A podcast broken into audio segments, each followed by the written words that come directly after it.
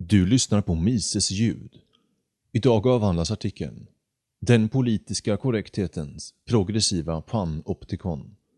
Författare Daniel Greenfield. Svensk översättning av Joakim Kempe. Publicerades på mises.se 4 januari 2016. Inläsare Magnus hälsar dig välkommen. Samtidigt som Förenta Staternas konstitution snickrades ihop förde samhällsteoretikern Jeremy Bentham på andra sidan Atlanten fram idén om panoptikon. Bentham förkastade självständighetsförklaringens idéer och kallade dem subversiva för alla sorters verkliga och tänkbara regeringar. Han krävde att man tog till våld för att lära detta rebelliska folk att det inte finns någon annan fred än kungens fred. Efter att kungens fred misslyckats i USA vänder sig Bentham till sin besatthet av Panopticon. Panopticon skulle vara ett fängelse där alla fångar kunde bevakas hela tiden. Så att man med Benthams egna ord kunde uppnå ett nytt sätt för sinnet att få makt över sinnet i en omfattning som aldrig tidigare har skådats. Benthams Panopticon fungerade aldrig, men internet har gjort Panopticon och dess förmåga att uppnå makt över sinnet till en verklighet i en omfattning som aldrig tidigare har skådats. Social media har gjort det privata samtalet offentligt. Under Wilsons dagar kring första världskriget, när hysterin nådde sin kulmen, kunde folk anhållas för privata konversationer.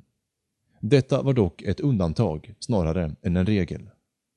Det var endast i de värsta kommunistiska samhällena som det fanns så många angivare att privata samtal nästan helt upphörde. Internet förstör dock skiljelinjen mellan det offentliga och det privata.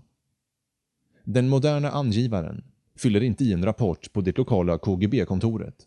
Han deltar i ett sociala mediekollektiv som har som hobby att plocka ut något otydligt problematiskt påstående som dyker upp i den sociala medieströmmen och förvandla den uttalade till en måltavla för mobben.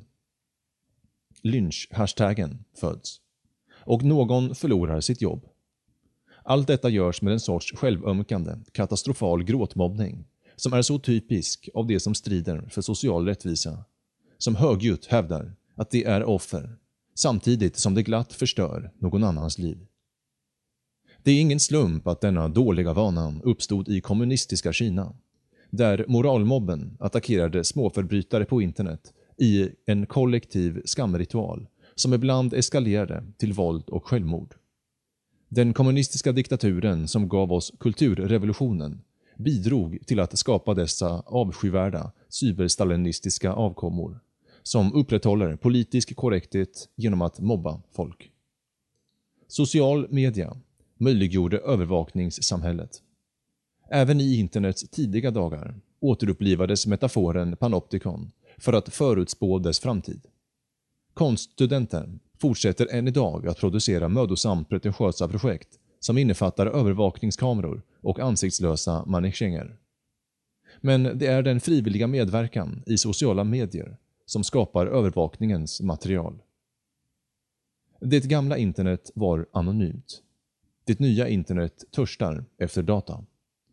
Nästan alla av de stora internetföretagen har byggts kring insamling och användande av information om folk. Google, Facebook och hundratals andra företag erbjuder gratis produkter i utbyte mot personlig data. Fria applikationer för telefoner bygger på att få tillgång till dess adressbok. Alla försöker att bygga den största och mest omfattande databasen för att sälja reklam och manipulera användarens beteende. Det är här som Panopticon verkligen börjar. Övervakning utan intervention är voyeurism. Övervakning med intervention är tyranni. En medvetenhet om övervakningen förändrar folks beteende. För att parafrasera Foucault. Vi blir principen om vår egen underkastelse. Vår medvetenhet om övervakning förändrar vårt sätt att leva. Alla tyrannier har förstått att om man vill kontrollera folk är det nödvändigt att följa Panoptikons modell, där folk alltid upplever det som att de är övervakade hela tiden. Det är mer upplevelsen av övervakning än verkligheten som spelar roll. Och det suddade ut gränsen mellan det offentliga och det privata och omvandlade Homo sapiens till Homo sovieticus, eller homosos som dissidenterna kallade det. En självgod hycklare, ett politiskt korrekt djur som ansåg att dubbeltänk var naturligt. Social media gjorde det enkelt att påtvinga kollektivistiska dygdesignalerande beteenden. Skaffa en regnbågsbild för att hylla homosexuella giftermål. Återtweeta detta clickbait om social rättvisa för att visa hur ilsken du är på den här saken som internet är arg på. Visa att du har godtänkande tankar om social rättvisa och att du är fri från brottstänkande. Åsiktskorridoren, den politiska bubblan, är också en panoptikon. Flockbeteenden belönas. Dissidenter bestraffas. Ingen är riktigt säker på vem av deras vänner som kan vända sig mot dem och fördöma dem för något problematiskt de sagt. Eller för en avsaknad av entusiasm för en viss sak. Förstöra deras nätverk, deras karriärer och deras sociala liv. I flocken råder ständig panik. Ett meddelande om social rättvisa är fel på något sätt. Ett skämt visar sig vara kränkande.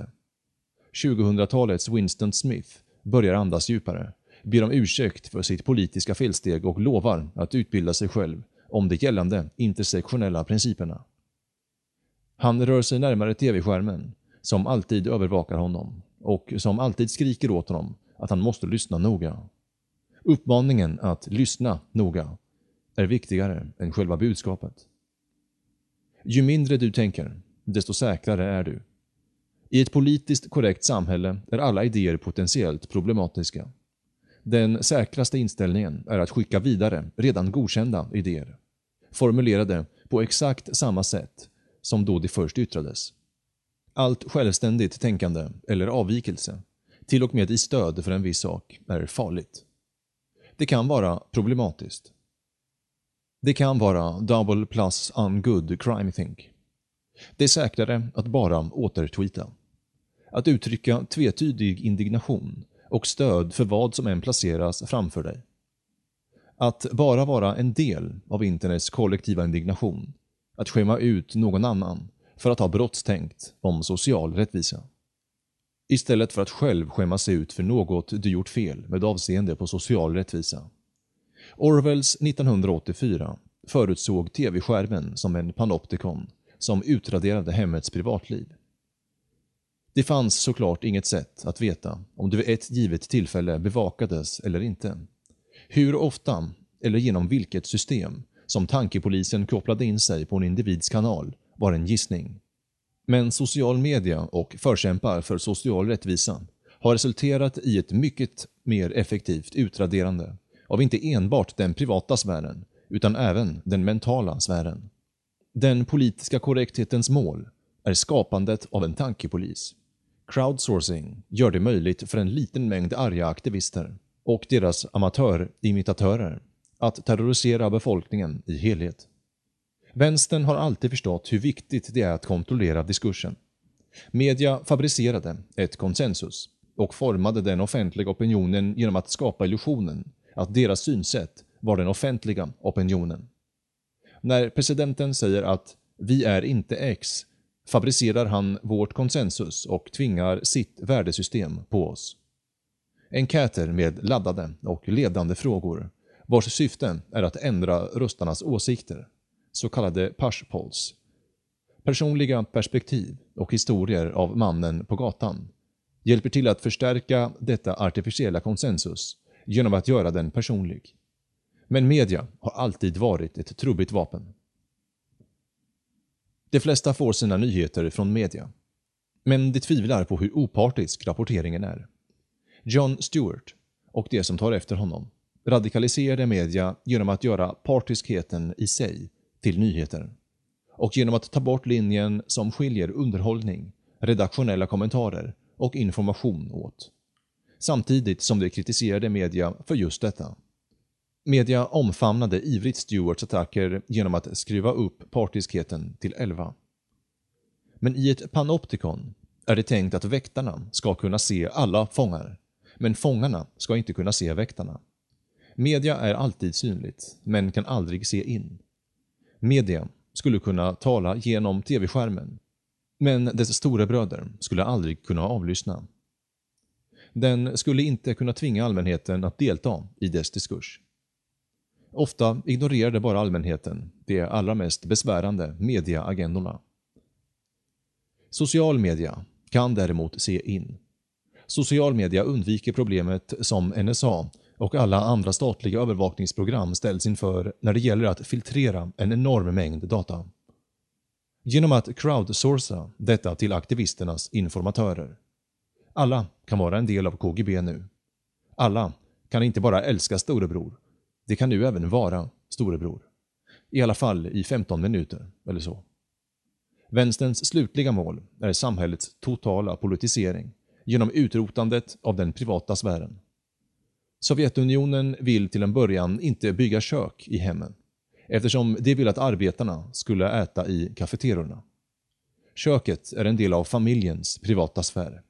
En kafeteria är en offentlig plats som kan kontrolleras.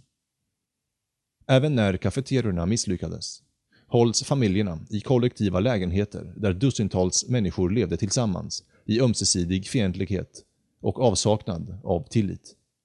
I en sådan omgivning är inget privat eller personligt. För att fullständigt kontrollera individen är det nödvändigt att helt och hållet eliminera hans personliga utrymmen, hans kapacitet för autenticitet och individualism. I en sådan miljö blir alla människor en förbrytare, en fånge i ett samhälleligt kollektiv, en drönare i en bikupa och en krypande bäst i en skrämd flock. Detta är Panopticon. Det är denna värld som den politiska korrektheten skapar för oss. Den möjliggörs av teknologi och gråtmobbarens vilja att resa en ny järnridå för sitt eget skyddande utrymme. Den politiska korrektheten politiserar livets alla aspekter. Från mat till litteratur, till underhållning till kläder. Inget är apolitiskt och därför är inget personligt. Individen kan inte tillåtas existera. Han måste gå med i kollektivet. Ingen regering har lyckats skapa ett perfekt panoptikon, men kollektivet kan lyckas.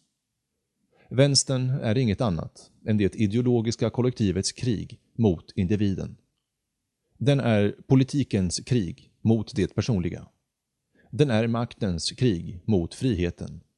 Den är det progressiva panoptikonets krig mot människans sinne.